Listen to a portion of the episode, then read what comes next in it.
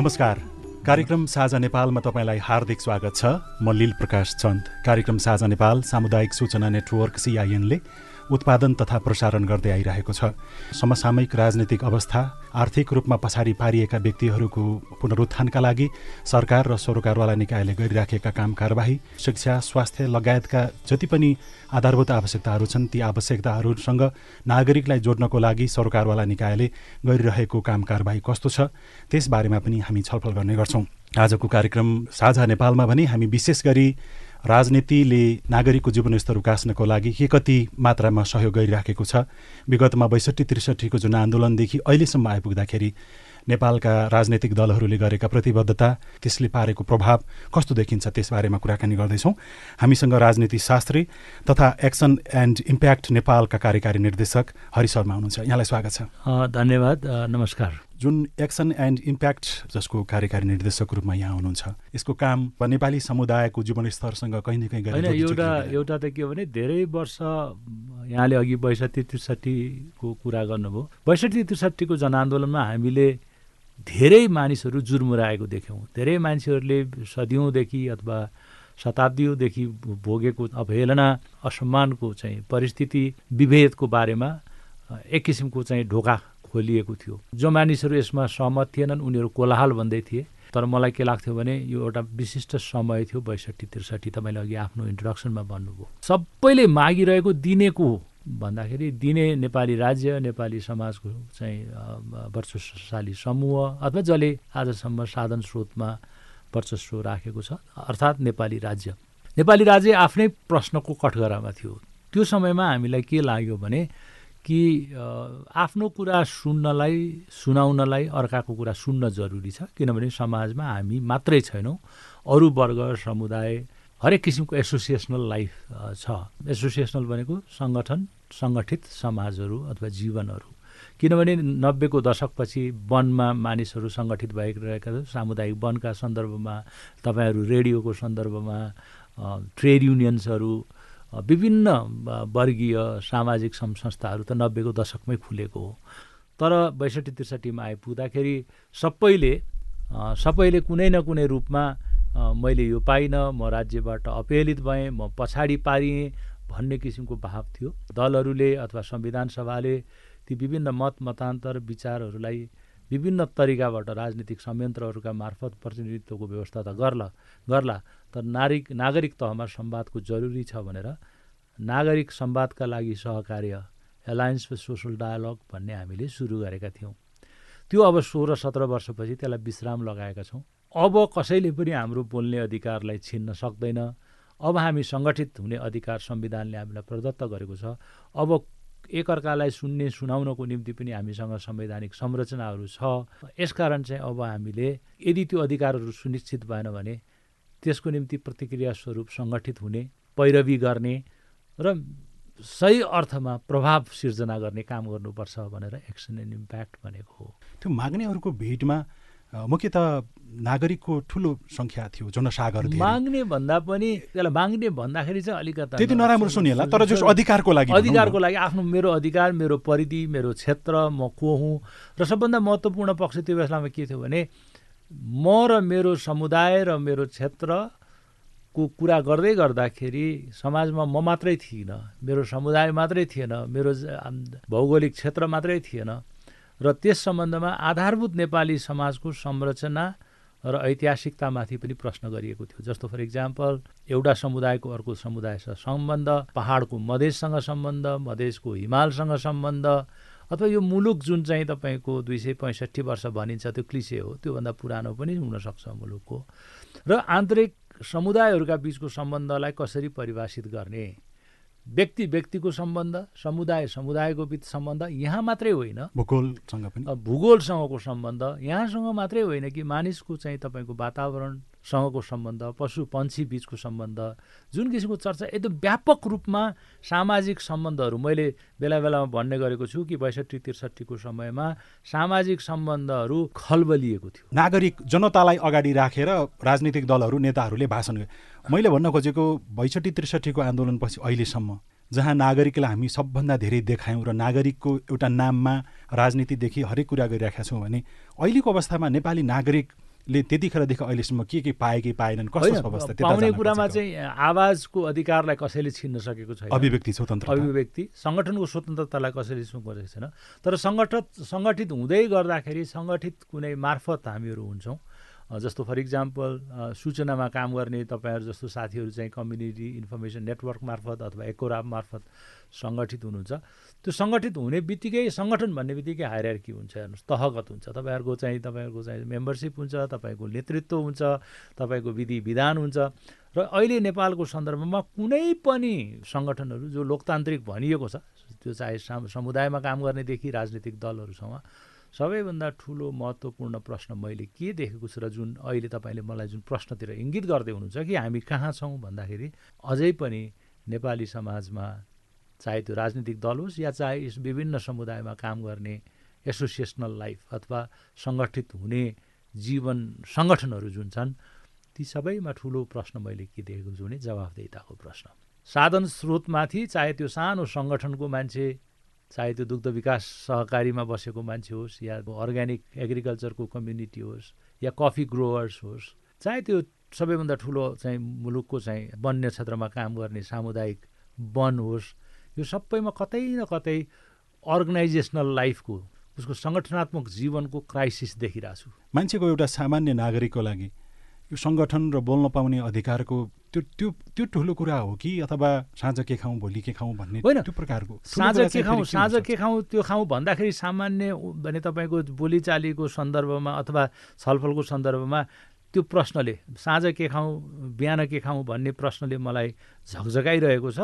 यसकारण मेरा निम्ति अरू कुरा इम्पोर्टेन्ट छैन भन्ने त सुनिन्छ।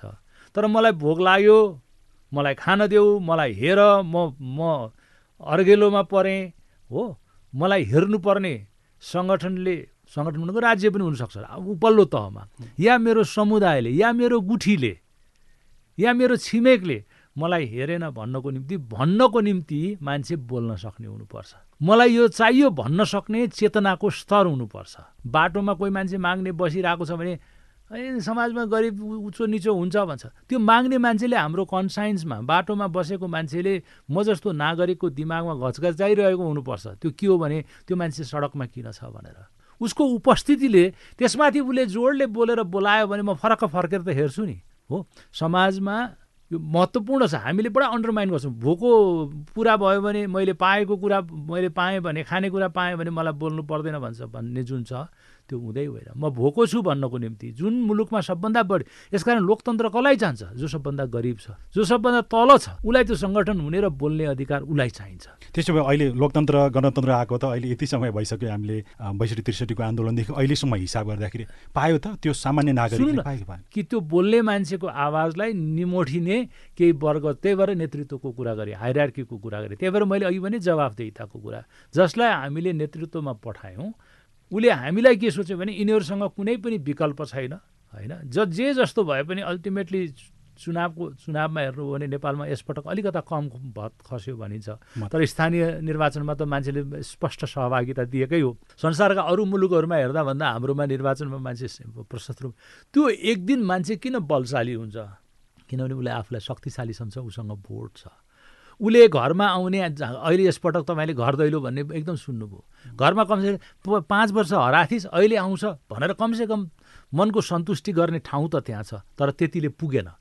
यस कारण के भन्दैछु मैले सुरुको तपाईँको कार्यक्रम सुरु गर्दाखेरि यो बैसठीबाट अहिलेसम्म आइपुग्दा नेपालको राजनीतिक जीवन या सार्वजनिक जीवनमा सबैभन्दा ठुलो खट्केको प्रश्न के हो भने कसैका लागि गर्छु भनेर तपाईँ पद सा साधन स्रोतमाथि कब्जा गर्ने तर केही नगर्ने जवाफदेहिताको कमी। त्यसले के गर्यो भने कि एउटा ठुलो महँगो परिस्थितिमा हामी पुगेका छौँ। कि हामीलाई आजसम्मको उपलब्धिले केही दिएन हामीलाई यो चाहिँदैन भन्ने किसिमको भाव चाहिँ बिस्तारै सिर्जना हुँदै गएको छ। तपाईँको तपाईँको प्रश्नलाई अझ व्याख्या गर्छु किनभने मलाई लाग्छ तपाईँको यो संवाद मार्फत हामी धेरै मानिस कहाँ पुग्दैछौँ जो चाहिँ सजिलो रूपमा यसलाई बुझ्न खोज्छन् र बुझाउँछौँ कुनै पनि समाजमा अपेक्षा हुनु नराम्रो होइन। अपेक्षा नभएको इच्छा नभएको मान्छे प्रगति गर्न सक्दैन त्यो समाजले परिवर्तन। हाम्रो धेरै अपेक्षा थियो बैसठी त्रिसठीपछि अथवा राजनीतिपछि अथवा मुलुकको शासन व्यवस्था त्यो अपेक्षा पुरा भएन भने त्यो पुरा गर्ने जिम्मा कसको हो त? हामीले नै सार्वजनिक जीवनमा निर्माण गरेका संस्थाहरूको हो। अहिले हरेक स्कुल कलेज समुदायमा चल्ने कुनै पनि संस्था मलाई बताउनुहोस् जहाँ जवाफदेहिताको प्रश्नमा मान्छे नअल्मलिएको होस्। स्कुलको हेडमास्टरमाथि प्रश्न भइरहेछ घरमा बाबुआमामाथि प्रश्न भइरहेछ किनभने समाज परिवर्तन हुँदैछ। त्यसले गर्दाखेरि राजनीतिक या सामाजिक नेतृत्वको जवाफदेही जुन खट्केको छ जहाँ अर्को इक्जाम्पल दिन्छु तपाईँलाई। दुई वर्ष अगाडि मुलुकमा कोभिड कोभिड सङ्क्रमण आयो। रेडियोमा टेलिभिजनमा हरेक दिन सरकारले के गर्दैछ भनेर भन्थे नि यति आज बिरामी भयो यति गयो हस्पिटल गयो यो गयो भनेर भन्थे। स्वास्थ्य मन्त्रालय।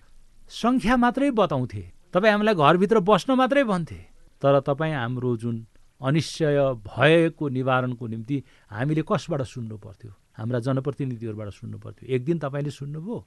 जसलाई तपाईँ भोट हालेर पठाउनु भयो हो सरकारको प्रवक्ता त तपाईँप्रति जवाबदेही थिएन। प्रकारान्तरले थियो होला। तर तपाईँको अनुहार त्यो थिएन। वडा अध्यक्ष वडा सदस्य तपाईँको समुदायको नेतृत्व एक त त्यो किसिमको परिस्थिति नै यस्तै थियो कि हामीलाई घरभित्र थुनेर राखिदियो डरले। तर रेडियो थियो साधन स्रोत थियो घरबाट बोल्न सकिन्थ्यो समुदायलाई जोड्ने नेतृत्व मलाई सबैभन्दा खट्केको जवाफदेता यिनीहरू कहाँ थिए? चाइनाबाट आएको चाइना जस्तो यत्रो मित्र राष्ट्रबाट आएको सामानमा भ्रष्टाचार भयो भनेर सुनियो। जवाफदेताको प्रश्न हो कि होइन? सार्वजनिक जीवनमा नेपालको सार्वजनिक जीवनमा मैले पहिले धेरै पटक भन्ने गरेको छु कि हामी मसान वैराग्यबाट आक्रान्त छौँ। त्यो भनेको के भने मान्छे मरेर घाट जाँदाखेरि जीवन यस्तै हो। एक दिन जानु छ भन्छ तर गौशाला आइसकेपछि घाटबाट माथि आइसकेपछि हामीलाई खाने पिउनेकै हुन्छ। जीवनको बारेमा हामी चर्चा गर्दैनौँ। त्यसलाई मसान वैराग्य भनिन्छ। हाम्रो सार्वजनिक नीतिहरू र सार्वजनिक जीव जीवनमा पनि हामी केही घटना हुन्छ तत्काल केही तातिन्छौँ। तर के हो भने यसलाई कन् निरन्तर दिएर होइन? जवाफदेही खोजेर किन कसरी कहाँ भयो भनेर हामीले प्रश्न गर्न। हरेक मान्छेले छोड्छौँ। भुइँचालोपछि काठमाडौँका घरहरू हल्लिए भत्किए सहरमा मापदण्डका ठुला ठुला कुरा भए अहिले घर बनेको हेर्नुहोस् त। बाबुराम भट्टराईको टाइममा सडक ठुलो भयो काठमाडौँको चाप घट्यो। सडक ठुलो हुँदा त कसलाई फाइदा भएछ? जसका ठुला गाडी छन् जो गाडीमा हिँड्न सक्छ। पैदल हिँड्नेलाई त फुटपाथ पनि मासिएको छ। भनेपछि जवाफदेताको प्रश्न ठुलो छ एउटा सामान्य नागरिकले माथिल्लो स्तरमा पुग्न खोज्नु त्यो सपना देख्नु नराम्रो होइन तर त्यसलाई पुरा गर्नको लागि सार्वजनिक निकायहरू सार्वजनिक पदमा बसेका व्यक्तिहरू गैर जिम्मेवार भए भन्ने तपाईँको गैर जिम्मेवारमा उनीहरू गैर जिम्मेवार हुन्छन् उनीहरू त उनीहरूलाई त अङ्कुश नलागे त आनन्द छ। तर हामी नागरिकको हैसियतमा यसकारण तपाईँको जस्तो रेडियो समुदायमा चर्चा परिचर्चा यो विषयलाई बोलिदिने मान्छेहरू चाहियो। र जनताले पनि ए यो रहेछ नि त। मैले मेरो जनप्रतिनिधिलाई प्रश्न किन नगर्ने? मैले मेरो राजनीतिक नेतृत्वलाई प्रश्न किन नगर्ने? अर्को एउटा सामान्य जि भने साथीहरूले जसले सुनिरहनु भएको छ तपाईँहरू कल्पना गर्नुहोस्। तपाईँको क्षेत्रबाट निर्वाचित भएको प्रतिनिधि पोखराका साथीहरूलाई भन्छु अथवा विराटनगरको साथीहरूलाई भन्नु बुझ्नु एयरपोर्टमा झर्छ। त्यो मन्त्री भएर झर्छ या सांसद भएर झर्छ। को जान्छ लिनलाई? गाडी घोडा लिएर व्यापारी पुग्छ पार्टीमा भोट हाल्ने चाहिँ आसेपासे मान्छे पुग्छन्। पाखुरा भएका व्यक्तिहरू पाखुरा भएका मान्छे पुग्छन्। तर उसले प्रतिनिधित्व त त्यो समुदायको गर्छ नि। तपाईँले एक दिन यत्रो रेडियो चलाउनु भएको छ कि तपाईँको सांसदसँग कुरा गर्नुभएको छ तपाईँको भने हाम्रो समुदायमा बस्ने रेडियो अथवा चाहिँ तपाईँको सञ्चारकर्मी साथीहरूले तपाईँ काठमाडौँबाट हेर यहाँ आउनुभयो संसदमा वन सम्बन्धी विधेयक छ हाम्रो क्षेत्रमा वनमा काम गर्ने यति एनजिओ छन् वनको चाहिँ सङ्गठनहरू छ या तपाईँको चाहिँ ना प्राकृतिक साधन स्रोतमा काम गर्ने चाहिँ नागरिकहरूको समूह छ उनीहरूको विचार के छ भनेर संवाद भएको छ? लोकतन्त्रमा अघि मैले सुरु संवादको सुरु गरेँ अब एक्सन भनेको त्यो। यिनीहरू कुरा गर्छन् कि गर्दैनन्? पोखरा एयरपोर्टमा झरेपछि पोखरा एयरपोर्टको सञ्चालन सम्बन्धमा पार्लियामेन्टमा डिबेट हुन्छ कि हुँदैन? भैरुवामा बनेको एयरपोर्टमा लाखौँ अरबौँ रुपियाँको इन्भेस्ट भएको छ विदेशी लोनका आधारमा। त्यसको बारेमा चर्चा हुन्छ कि हुँदैन? या महिलाको अधिकारको बारेमा पार्लियामेन्टमा बिल पेन्डिङ छ नागरिकता सम्बन्धीमा छौपडी बैतडी पुगेको सांसदलाई त्यहाँका मान्छेले छौपडी हाम्रो समस्या हो त कुरा गर्छस् भन्छन् कि भन्दैनन् विधिसँग विधायकीसँग जोडेर नीतिसँग जोडेर। उसलाई एम्बारेस गर्न उसलाई अप्ठ्यारो पार्न उसलाई बेजत गर्नको लागि होइन। जनताका दिनानुदिनका समस्याहरूसँग राष्ट्रिय नीति बन्ने जुन सरोकारका विषयहरू छ त्यसलाई जोड्नलाई हामी त्यही भएर मैले आवाजको कुरा गरेको। हामी साह्रै लोभी पापी छौँ। अहिले मान्छे धेरै खुसी भयो घर दैलोमा मान्छे नेता आयो भनेर। के भयो? भने व्यक्तिगत निगोसिएसन गर्न पाइन्छ। मेरो छोरालाई जागिर लगाइदियो यसलाई यसो गरेँ जवाफदेही त के हुन्थ्यो भने ऊ पब्लिकमा उठेर भन्न सक्नु पर्थ्यो कि मेरो पार्टीको धारणा यो छ मेरो धारणा यो छ समुदायप्रतिको मेरो दृष्टिकोण यो छ। यो क्षेत्रमा काम गर्ने नागरिक सङ्घ संस्थान सङ्गठनहरूसँग म यसरी सम्वाद गर्छु। त्यो आवाज म संसदमा गर्छु। र त्यो गरेन भने हामी समुदायमा हजारौँ सङ्घ सङ्गठनहरू हामीहरू संस्थाहरूका एसोसिएसनल लाइफ छ। वनमा काम गर्ने पानीमा काम गर्ने फोहोर मैलामा काम गर्ने एचआइभी एड्समा काम गर्ने डिसेबिलिटी अप अपाङ्गताका क्षेत्रमा काम गर्ने यत्रो सङ् सङ्गठनहरू हामीहरू बसाएको छौँ। खालि के विदेशी पैसा लिएर चार चार पाँचजना मान्छे काम गर्नलाई बनेको हो त? त्यहाँ पनि जवाबदेहिताको खोजी छ मैले भन्दैछु नि। जुन जवाबदेहिता देखिएन भन्नुभयो नि त्यसमा नागरिकको दोष हो त? प्रश्न नगरेको कारणले प्रश्न प्रश्न अब मानिलियो सुन्नुहोस् न। अहिले भर्खर सरकार बनाएको छ। यो गठबन्धन पच्चिस वर्ष जान्छ जीवन पर्यन्त जान्छ भने अब होइन भने। होइन? एक थरी मान्छे होइन म म पनि पढ्छु त्यसमा। मैले के भनेको थिएँ भने भोलिको पार्लियामेन्टको कम्पोजिसनको नम्बरले दलहरूको काम चुनाव लड्ने हो चुनाव लिएर पार्लियामेन्टमा जाने हो र अर्को महत्त्वपूर्ण पक्ष भनेको दलहरूले सरकार बनाउने जिम्मेवारी हुन्छ भनेको। त्यसकारण उनीहरू पार्लियामेन्टमा जाने हो। तर उनीहरू त के गरे? चुनावभन्दा पहिले नै गठबन्धनको नाउँ गरेर तपाईँ हाम्रो चाहिँ कसलाई भोट गर्न पाउने नपाउनेमा त तपाईँको अङ्कुश जस्तो अङ्कुश लाग्यो नि। दुनियाँलाई थाहा छ कि पार्लियामेन्टको अङ्कगणितबाट सरकार बन्नेर भत्किने हुन्छ। संसारभरि नै त्यही हो। तर अङ्कगणितलाई पहिले नै प्रभावित पार्ने कुराको जवाफदेही त खोइ त। बिसौँ वर्ष जान्छ कहीँ जाँदैन। भन्ने अनि रातारात मान्छेले चाहे त्यो शेरबहादुरजीले गरेको काम होस् चाहे त्यो प्रचण्डले गरेको काम होस् चाहे ओलीजीले यता र उता गरेको काम होस् त्यसको जवाबदिता खोज्नु पऱ्यो नि। चुनावको बेलामा भनेको कुरा तपाईँको पन्ध्र दिन टिक्दैन यो देशमा भने अब हामी बोल्नु परेन भने तपाईँ त अस्ति आउनुभएको थियो त यो बिसौँ वर्ष टिक्छ भनेर। हामी त भनेका थियौँ कि गठबन्धन यो हुँदैन भनेर भन्ने मानिसहरू जो छन् उनले त भन्नु पऱ्यो यसकारण के छ भने राजनीतिक दलको मान्छेहरू राजनीतिक दलको सदस्य हुनु पर्थ्यो कार्यकर्ता र सदस्यमा फरक छ। सदस्यले के गर्छ भने तपाईँको सङ्गठनको सदस्यले प्रश्न गर्छ तपाईँलाई। तपाईँको साधारण सभामा प्रश्न गर्छ। तर राजनीतिका दलका सदस्यहरू सदस्य भएनन्। उनीहरूले आफ्नो नेतृत्वलाई प्रश्न गर्दैनन् र हामीलाई त्यसभित्र बाँडेर तपाईँ हाम्रो प्रश्न गर्ने क्षमता हो जुन स्पेस हो जग्गा हो त्यो खाइदिएका छन्। त्यस कारण दलभित्र पनि आजभोलि म सोच्दैछु राजनीतिक दल सदस्यहरूबाट दल बन्छ कि कार्यकर्ताहरूबाट? कार्यकर्ताले त नेतालाई प्रश्न गर्दै गर्दैन नि। हराए पराएको गर्ने मान्छे कार्यकर्ता हो। सदस्य के हो भने उसको अपनत्व हुन्छ।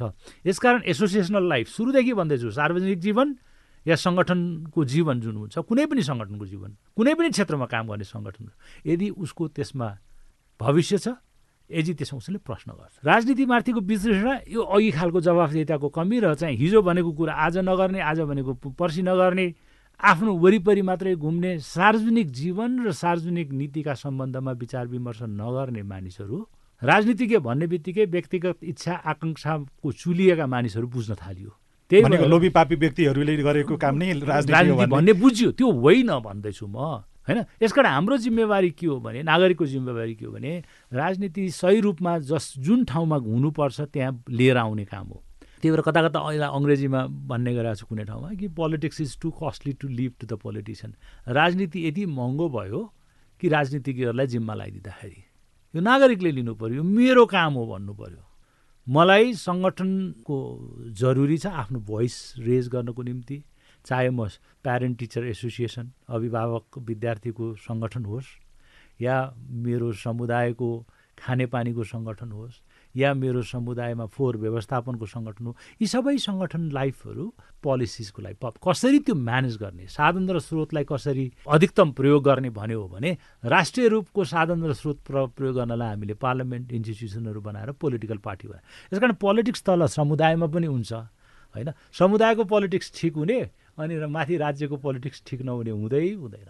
सङ्गठनमा त फेरि अहिले कुनै पनि यस्तो सङ्गठन पाउन अपवाद जस्तो होला कि कुनै राजनीतिक दलको सिद्धान्त अथवा दलको कार्यकर्ताको अग्रसरता अथवा त्यो पथ प्रदर्शनमा चलि नराखेको त्यस्तो सङ्गठन कुनै भेटिन्छ अहिलेको अवस्थामा? राजनीतिक सङ्गठन कुनै पनि सङ्गठनहरूको राजनीति हुन्छ होइन? त्यो भनेको अर्थ के हो भने दलीय राजनीति होइन। त्यसको आफ्नै राजनीति हुन्छ। हालाकि सजिलोको निम्ति हामीले दलीय राजनीतिलाई प्रयोग गर्छौँ। हरेक तबका तहमा सङ्गठनको जीवनहरूमा चाहिँ राजनीतिक दल हावी भएको छ। राजनीति हावी भएको होइन यो छुट्याउनु पर्यो। नागरिक समाजको भन्न रुचाउने व्यक्तिहरू पाउने मुस्किल भइसक्यो। होइन त्यो पनि तपाईँले त्यसलाई पनि हामीले धेरै साँगुरो रूपमा आठ दसजना मान्छेहरू जम्मा भएकोलाई हामीले नागरिक समाज भनेर भन्यौँ त्यो पनि छ। नेपालकै सन्दर्भमा हेर्नुभयो भने दलित आन्दोलन एउटा कोही मान्छेले सुरु गरे होला अथवा कहीँ कुनै अनुभवबाट सिर्जना होला तर दलितको मुद्दा त छ नि महिलाको मुद्दा त छ नि। त्यो समग्र रूपमा महिलाको मुद्दा महिला आन्दोलन हो। नेपाली ट्रेड युनियनमा जिफन्ड होला एनटियुसी होला के के के के होला तर समग्र रूपमा मै श्रमिकको आन्दोलनको एउटा पक्ष त छ नि। होइन इक्वल वेजेस आजसम्म सबैले बराबर वेतन पाउने भन्ने कुरा अझै पनि कल्पनाको कुरा जस्तो देखिन्छ कानुनमा त छ तर हामी छैन। भन्दा ती त्यस्तो सामाजिक आन्दोलनहरू जस्तो वातावरण पर्यावरण। ठाउँ ठाउँमा मान्छेले फोहोर मैला व्यवस्थापन गर्यो होला रुख्न काट भन्यो होला के गर्यो होला तर देशव्यापी रूपमा ती साना साना इनिसिएटिभहरू जोडिएर व्यापक वातावरण सम्बन्धी आन्दोलन इन्भाइरोमेन्टल मुभमेन्टको कमी देखिन्छ नेपालमा। त्यसले गर्दा के छ भने तपाईँ हामीलाई विभाजन गर्न सजिलो छ भन्न खोजेको। सामाजिक आन्दोलन भनेको मैले नागरिक आन्दोलनलाई मात्र नागरिक समाजलाई मात्रै भनेको होइन। समाजका विभिन्न मुद्दा बोक मुद्दाहरू जुन छन् जो ऐतिहासिक रूपमा र वर्तमान राजनीतिक आर्थिक परिवर्तनका कारण सिर्जित भएका आन्दोलनहरू जसलाई नयाँ आन्दोलन भनिन्छ त्यो नयाँ आन्दोलनहरूलाई हेर्ने एकरूपता चाहिँ त्यो आन्दोलनमा लागेका मानिसहरूबाट हुनु पर्यो ताकि उनीहरूले भन्नु पर्यो कि खबरदार चुनावको बेलामा दलीय प्रतिस्पर्धा तिमीहरूका बिचमा होला सार्वजनिक नीतिका सन्दर्भमा पक्ष र विपक्ष तिमीहरूका बिचमा होला तर नागरिकको चाहिँ तपाईँको चाहिँ सामाजिक आन्दोलनहरूको सम्बन्धमा त्यो समाजको विषयमा त्यही समाजका मान्छेहरूले बोल्न पाउनुपर्छ भन्ने किसिमको अथवा संवाद हुनुपर्छ भन्ने किसिमको कुरा देखिन्छ होइन? सबभन्दा बढी तपाईँको देखिन्छ कि सामाजिक आन्दोलनहरूलाई कमजोर बनाएको के छ भने गैर सरकारी संस्थाहरूले सामाजिक आन्दोलन नै हुँ भनिदिएका कारणले। म आफै पनि एनजिओजहरूमा काम किन सन्तुष्ट छैन भने उनीहरूले बृहत्तर नागरिक आवाजलाई र बृहत्तर सामाजिक आन्दोलनलाई जोड्नलाई साधन स्रोत कहीँबाट आउँछ र केही मान्छेहरू स्थापित हुनलाई त्यो सजिलो भएको छ। होइन? दलित एनजिओ हुनु र दलित आन्दोलन हुनु फरक हो। महिला एनजिओ हुनु र महिला आन्दोलनका बारेमा नेपालमा नागरिकताको बारेमा यत्रो चर्चा परिचर्चा छैन त। खोइ त नागरिक आन्दोलनले अहिलेसम्म पनि त नेपालको नागरिकता ऐन पास भएको छैन नि त छ? कति एनजिओ छन् कति नागरिक समाजका मानिसहरू छन् हामी सबै बोलिरहेका छौँ तर राजनीतिक दललाई हामीले पुस गर्न सकिरहेका छैनौँ। यसकारण नागरिक ऐक्यबद्धता एनजिओबाट होइन नागरिक आन्दोलनबाट हुनुपर्छ। नागरिक आन्दोलन भनेको सडकमा बस्ने मात्रै होइन। वैचारिक आन्दोलनको पनि कुरा गर्दैछु मैले। तपाईँहरूको टेक्नोलोजीको परिवर्तनका कारण मार्केटमा आएको चाहिँ स्खलनका कारण तपाईँहरू जस्तो संस्थाहरू चाहिँ अप्ठ्यारो परिस्थितिमा पुग्दैछ। तपाईँहरूको बिचको वैचारिक विनिमयको स्तर कहाँ छ? हामीलाई के छ भने म बाँच्न पाएँ भने संसार बाँच्यो हुन त हो। होइन जस्तो प्लेनमा हामी जाँदाखेरि त्यो मास्क लगाऊ भन्छ सिट बेल्ट बाँध भन्छ नि। सबै प्लेनै ढर्महरूको त्यो सिट बेल्ट बाँधेर मात्र त केही हुँदैन नि त। तर के हो भने मान्छे नितान्त स्वार्थी हुन्छ। त्यही भएर पहिला आफू बाँचे बाँचे संसार देखिन्छ भन्छ। त्यो पनि एउटा पक्ष हो। श्रोताहरूलाई आग्रह के हो भने सार्वजनिक जीवनमा चासो लिनुपर्छ। सहभागिता नागरिकको जीवनस्तरको कुरा हामी गरिरहेका छौँ। के अहिलेसम्म कुनै परिवर्तन भएन त? एउटा परिवर्तन विकासको बारेमा पनि एउटा नागरिकको बुझाइ त फेरि आफ्नो स्तरको छ नि त। हामीले देखिराखेको र उनीहरूले भोगिराखेको जीवनको परिवर्तनको बिचमा केही नयाँ केही बदलाव केही राम्रो कुरा छ कि छैन होइन अब अवश्य छ। समयअनुसार समयको गति अनुसार परिवर्तन भएको छ।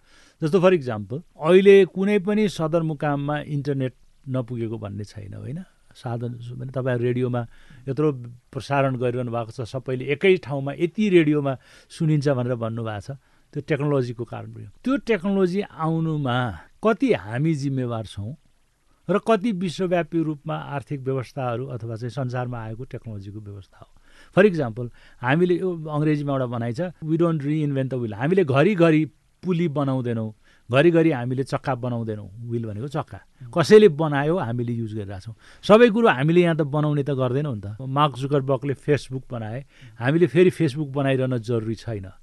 तर फेसबुक प्रयोग गर्ने परिस्थितिको सिर्जना त गर्न सकिन्छ नि। डेभलपमेन्ट एक्सटर्नली बाहिरबाट पनि आएको कुराहरू छ। कति हामीले आफै सिर्जना गरेका छौँ। हाम्रो समस्या के कहाँ हो भने कुनै पनि कुरा हाम्रोमा आउँछ परिवर्तनका रूपमा भने त्यसलाई दिगोपन दिन सक्ने। होइन? बाटोको टेक्नोलोजी हामीले लिएर आएको होइन। बाटोको टेक्नोलोजी कहीँ बाहिरबाट आएको होइन। समय परिस्थिति अनुसार व्यापारका कारण पनि बाटो बनाउन जरुरी छ। बाटो नबनिकन मार्केट पुग्दैन। तपाईँलाई लाग्छ कि मुलुकमा बाटो तपाईँ हामीलाई हिँड्नलाई मात्रै बनेको होइन नि त। गुड्स एन्ड सर्भिसेस पुऱ्याउनलाई हो नि त। सामान पुऱ्याउनलाई हो सेवा पुऱ्याउनलाई हो हस्पिटलका निम्ति बाटो बन्छ। तर बाटोको सुरक्षा बाटोमा हिँड्ने मान्छेले बुझ्न पऱ्यो नि त। होइन? यहाँबाट मुगलिङ सरर अहिले त बाटो बिग्रिरहेछ। सरर जान्थ्यो एक्सिडेन्ट पनि त्यति नै बढ्थ्यो। बाटो बन्दैमा एक्सिडेन्ट कम हुने व्यवस्था कसरी हुन्छ त? हामीले गर्नु पऱ्यो नि त। यसकारण कुनै कुरा बाहिरका परिस्थितिका कारण रहँदा बस्दा शरीर सानो थियो उमेर सानो थियो बढ्दै गयौँ दारी जुङ्गा आयो भने जस्तो केही कुरो नेचुरली तपाईँको चाहिँ प्रकृतिकै रूपमा पनि अथवा सामान्यतयामा पनि त्यो आउँछ। तर त्यसलाई दिगो दिने त्यसलाई दिशा निर्देश गर्ने। कता लिएर जाने हो त? नेपालको सन्दर्भमा आर्थिक विकासको भविष्यको दृष्टि कतातिर हो त? समृद्धि विकास भनेको कुरा हामीले एकदम सुनिरहन्छौँ। त्यो साधन स्रोतको न्यायोचित वितरण हो। वा जसले जति कमाउनु मन लाग्छ त्यो त्यो त डिबेट त छ नि त। काठमाडौँमा हेर्नुभयो भने सानो गाडी कोही चढ्दैन। तर काठमाडौँको बाटो हेर्नुभयो भने ठुलो गाडी चलाउने खालको ठाउँ छँदै छैन नि। भन्दा नागरिकको चेतनाले पनि तपाईँको विकास र समृद्धिमा प्रभाव पार्छ भन्न खोजेको। यस कारण मैले भन्न खोजेको भने सामान्य रूपमा आएको परिवर्तन परिवर्तन भएको छ तर त्यो परिवर्तन तपाईँले निर्देशित गर्न सक्ने अथवा तपाईँले चाहे बमोजिम हो कि होइन भन्ने हो। मैले अहिलेसम्म नेपालको राजनीतिक नेतृत्वले एक्सेप्ट बिपी कोइरालाले नरेश कोइरालालाई दिएको इन्टरभ्यू जो हिमालमा छापिएको थियो कि मैले गर्नुपर्ने काम गरेँ कि गरिनँ गर्न सकेँ कि सकिनँ? या मैले गर्नुपर्ने काम यति नै हो भन्ने मलाई लाग्छ भनेर जुन इन्टरभ्यू दिनुभएको छ मैले आजसम्म सुनेको छैन कुनै पनि नेपाली राजनीतिज्ञले। म बिस वर्ष सार्वजनिक जीवनमा बसेँ मैले गर्नुपर्ने काम गरेँ नसक्ने काम सकिनँ। मबाट गल्ती पनि भयो मबाट राम्रो काम पनि भयो भनेर लेखाजोखा गरेर उभिएको मैले देखेको छु। यसकारण नेपालको राजनीति धेरै जसो लोभी पापीले नै भरिएको छ। यसको आध्यात्मिक पक्ष साह्रै कमजोर छ। आध्यात्मिक पक्ष भनेको किन हामी राजनीतिमा हुन्छौँ किन सार्वजनिक जीवनमा हुन्छौँ किन म एउटा इन्डिभिजुअलबाट सार्वजनिक व्यक्ति बन्दछु भन्ने प्रश्नको खोजी भएको छैन। यो यो प्रश्न समुदायमा काम गर्ने मान्छेलाई पनि लाग्दछ। साउथ अफ्रिकामा आफ्नो कुनै स्कलरसिप मेडिकल स्कलरसिप उपलब्ध थियो र त्यो कमिटीमा गान्धीजी हुनुहुन्थ्यो। उहाँले आफ्नो छोरा हरिलाल जो पछि उहाँबाट धेरै पर गयो बाउ मर्ने बेलामा पनि चितामा चाहिँ रक्सी खाएको छतबिछत अवस्थामा आइपुगेको भनेर धेरै इतिहासकारहरूले लेख्छन्। गान्धीजीले के भन्नुभयो भने म कमिटीको म नेता सबैको हुँ। म यो सुविधा मेरो छोरालाई दिन्न भन्न सक्नुभयो। किनभने व्यक्ति जब सार्वजनिक जीवनमा जान्छ उसको सार्वजनिक व्यक्तित्व हुन्छ। तपाईँ चाहे त्यो स्कुलको अध्यक्ष हुनुहोस् चाहे तपाईँ रेडियोको अध्यक्ष हुनुहोस् तपाईँ खानेपानीको अध्यक्ष हुनुहोस् सबभन्दा पहिला धारा तपाईँले आफ्नै घरमा जानु लिएर जानुभयो। पानीको हुनुहुन्छ भने स्कुलको हुनुहुन्छ भने सबभन्दा पहिले तपाईँको बुहारीलाई तपाईँले अथवा छोरालाई तपाईँले स्कुलमा टिच जागिर लगाउनु भयो भने तपाईँको सार्वजनिक व्यक्तित्व बन्न सक्दैन। जबसम्म सार्वजनिक क्षेत्रमा काम गर्ने मानिसहरू राजनीतिज्ञहरू सामाजिक कार्यकर्ताहरूको सार्वजनिक छविका बारेमा चर्चा परिचर्चा हुँदैन जवाफदेताको प्रश्न यसको उद्देश्यको प्रश्न निरन्तर चलिरहन्छ। हामी कता कता यो खालको दार्शनिक विषयहरूको बारेमा यसको उद्देश्य के हो मैले अघि नै सुरुमा कुरा गर्दा भने कि तपाईँको नागरिक सङ्घ सङ्गठनको बारेमा कुरा गरेँ। फ्रिडम अफ एक्सप्रेसन बोल्नुको पनि अर्थ हुन्छ नि। बोलीमा तपाईँको मतलब रहेन माने रहेन भने जस्तो नाउँको अर्थ रहेन भने नाम हुँदैन भने जस्तो हो। सार्वजनिक जीवनमा म गर्छु सार्वजनिक हो भन्ने विषयमा छुट्याउन सक्नु भएन व्यक्तिगत र सार्वजनिक कुरा छुट्याउन सक्नु भएन। पब्लिक र प्राइभेट छुट्याउन सक्नु भएन भने। जीवनको उद्देश्यका बारेमा छुटाउन सक्नु भएन भने म मात्रै गुमराह हुने होइन समाज नै गुमराह हुन्छ। मेरो खालि त्यति आग्रह हो।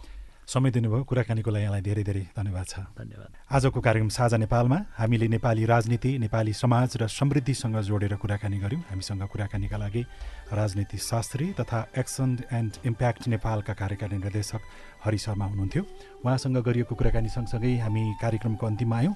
कार्यक्रमको अर्को अङ्कमा फेरि अर्को विषयको छलफल लिएर उपस्थित हुनेछौँ। तबसम्मको लागि प्रविधिमा साथ दिने सुभाष पन्तलाई धेरै धन्यवाद दिँदै लील प्रकाश चन्दलाई पनि बिदा दिनुहोस्। नमस्कार।